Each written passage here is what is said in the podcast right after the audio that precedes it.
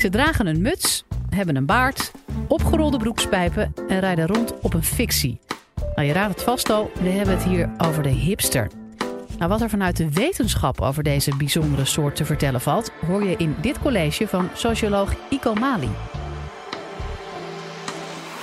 Dit is de Universiteit van Nederland.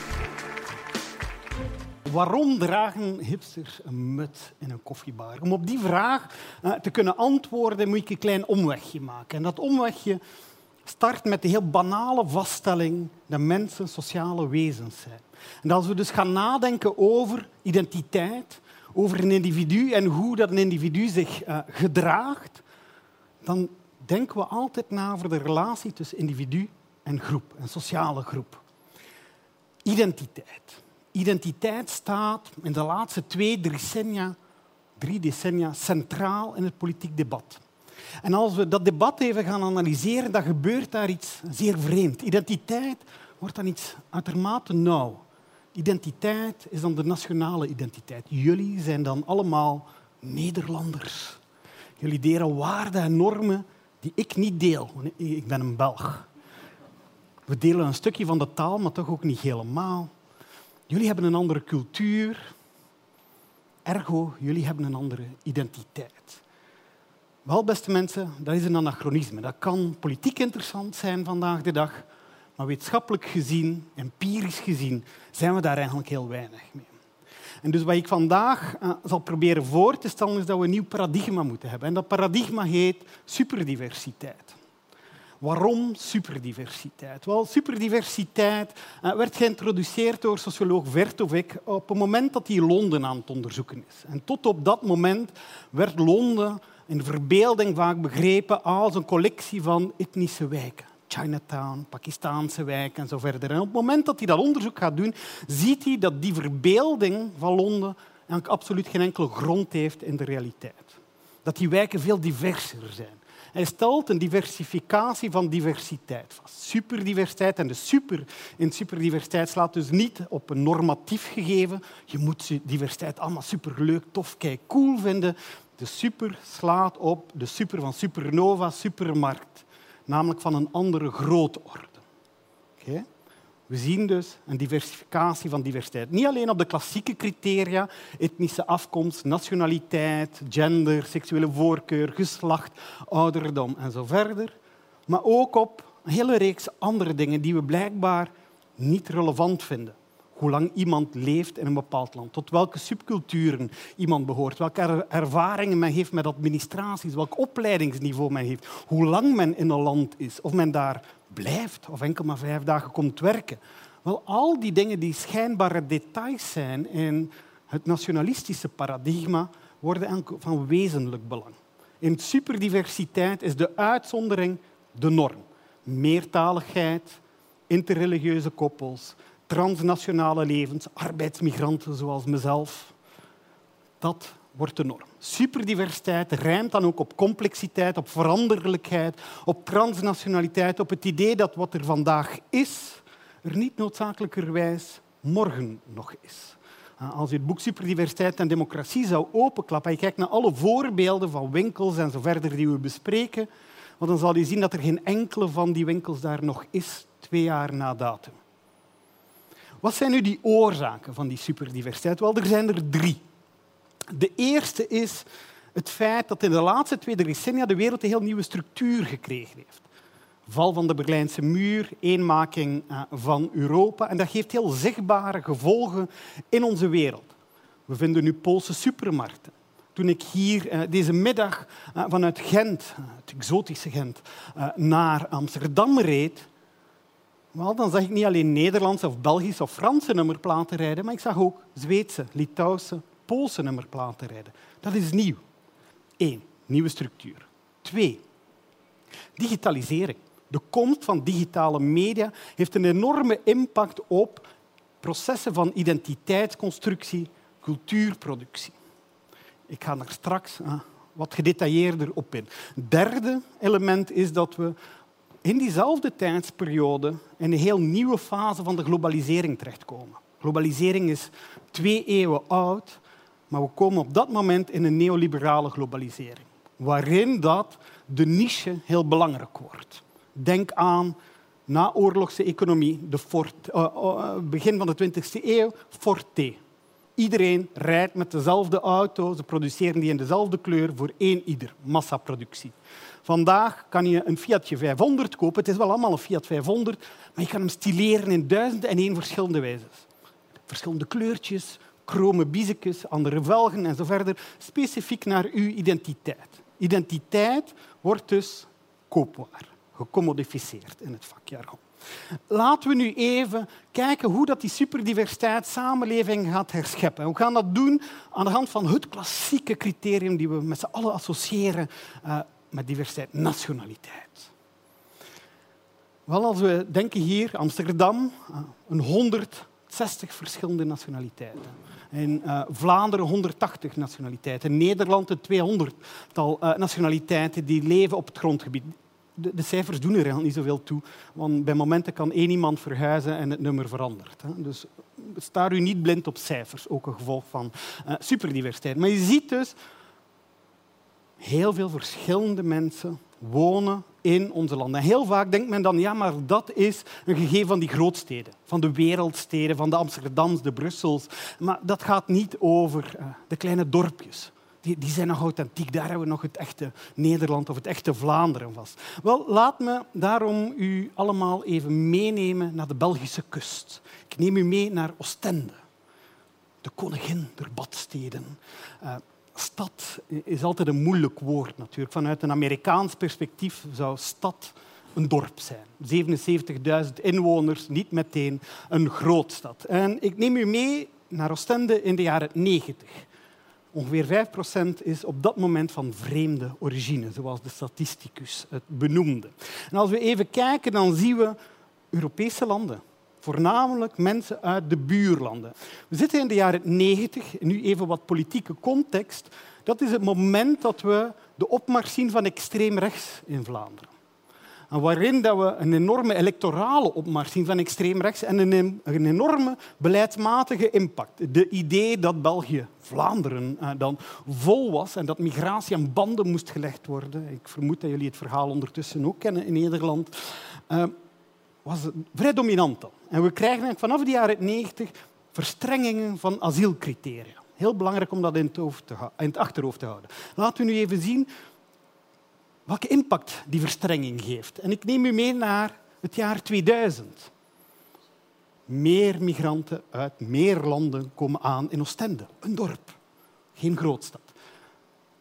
Nog altijd electorale opmars van extreem rechts, van nationalistische partijen.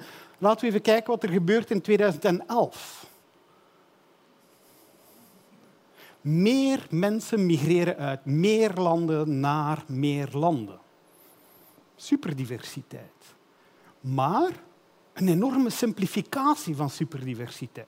Dit is superdiversiteit op één criterium, nationaliteit. Maar ieder blokje daarin zit vol met verschil. De Indiër kan 40 jaar geleden toegekomen zijn, uh, kan socialist zijn, de andere kan uh, christelijk zijn en zo verder. We weten het niet. Dat label zegt eigenlijk heel weinig. Oké, de context uh, is ongeveer geschetst.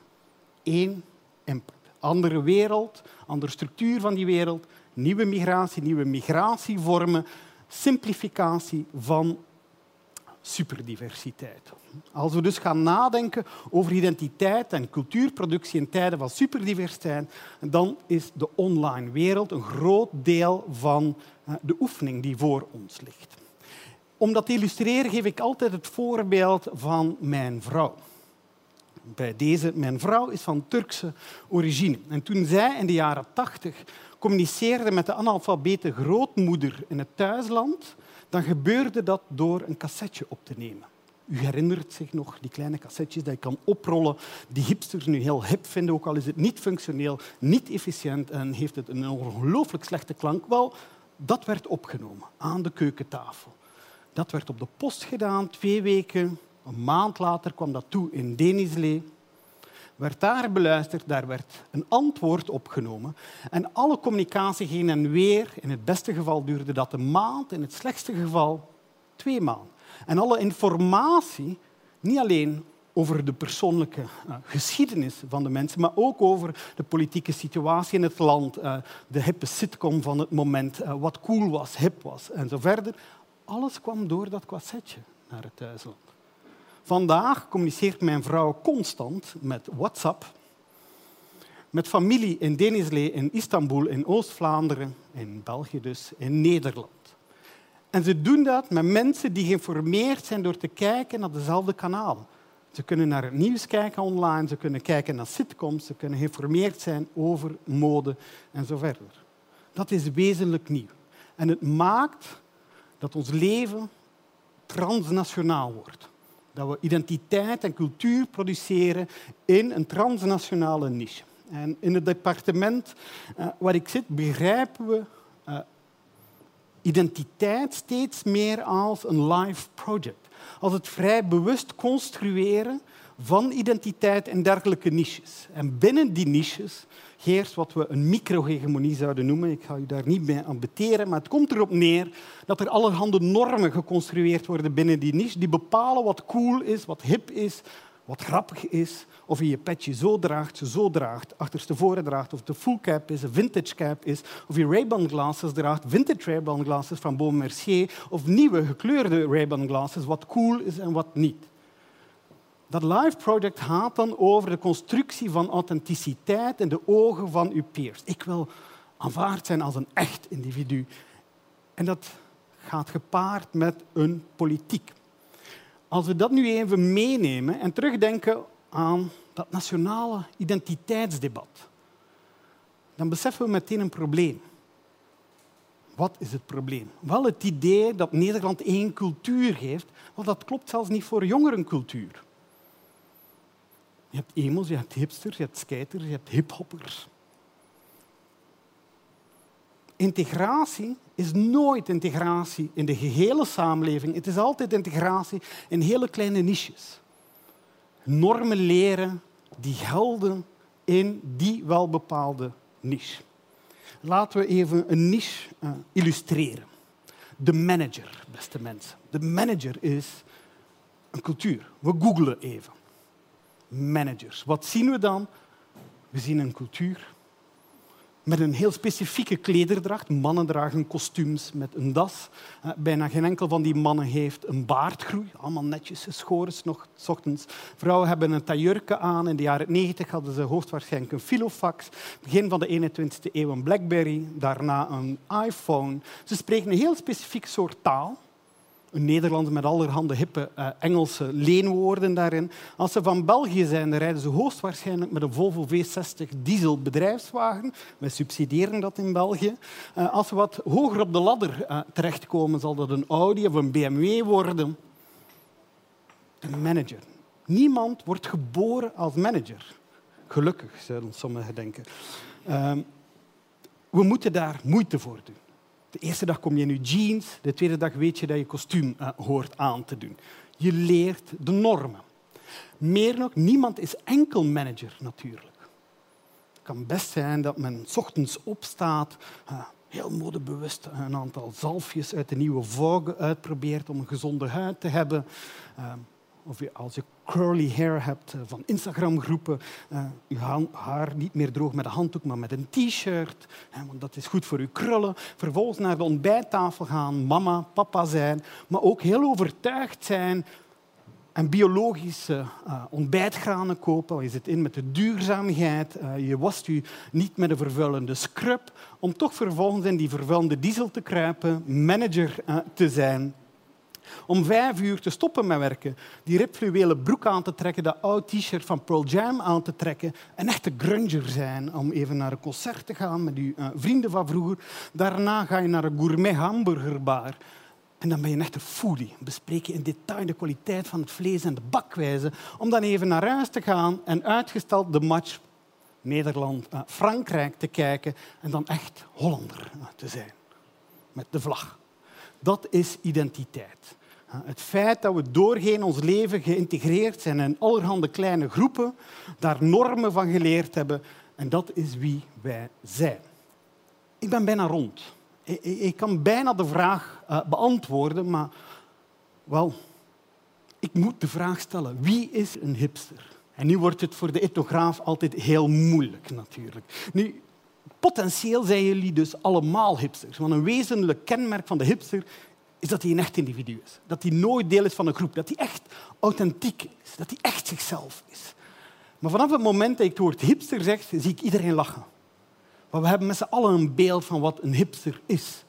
Een man met een beanie hat aan, met vintage Ray-Ban glasses, niet de gekleurde, uh, met broeken tegenwoordig uh, die de enkels bloot laten, ook bij min 5. Houthakkerschemden, uh, bepaalde ouderwetse tattoos, zouden we zeggen. En we kunnen ze identificeren in bepaalde plaatsen in de stad. Er zijn infrastructuren zichtbaar. De barista, authentieke koffie, die er vijf jaar geleden niet was.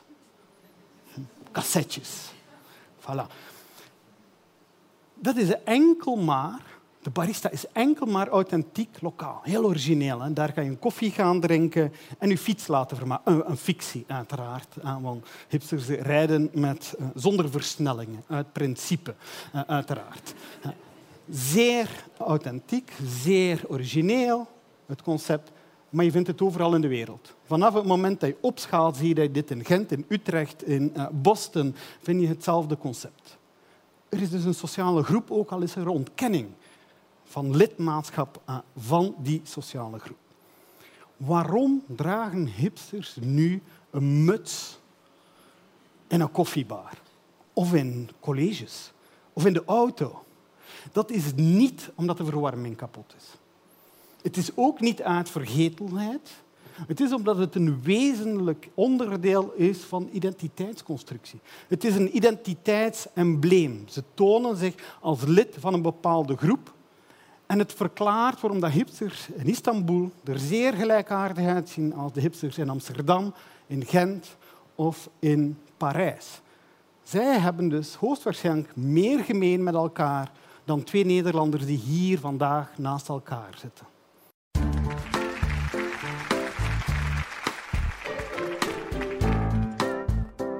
Dit was de Universiteit van Nederland. Wil je nou nog meer wetenschappelijke antwoorden op spannende vragen? Check dan de hele playlist.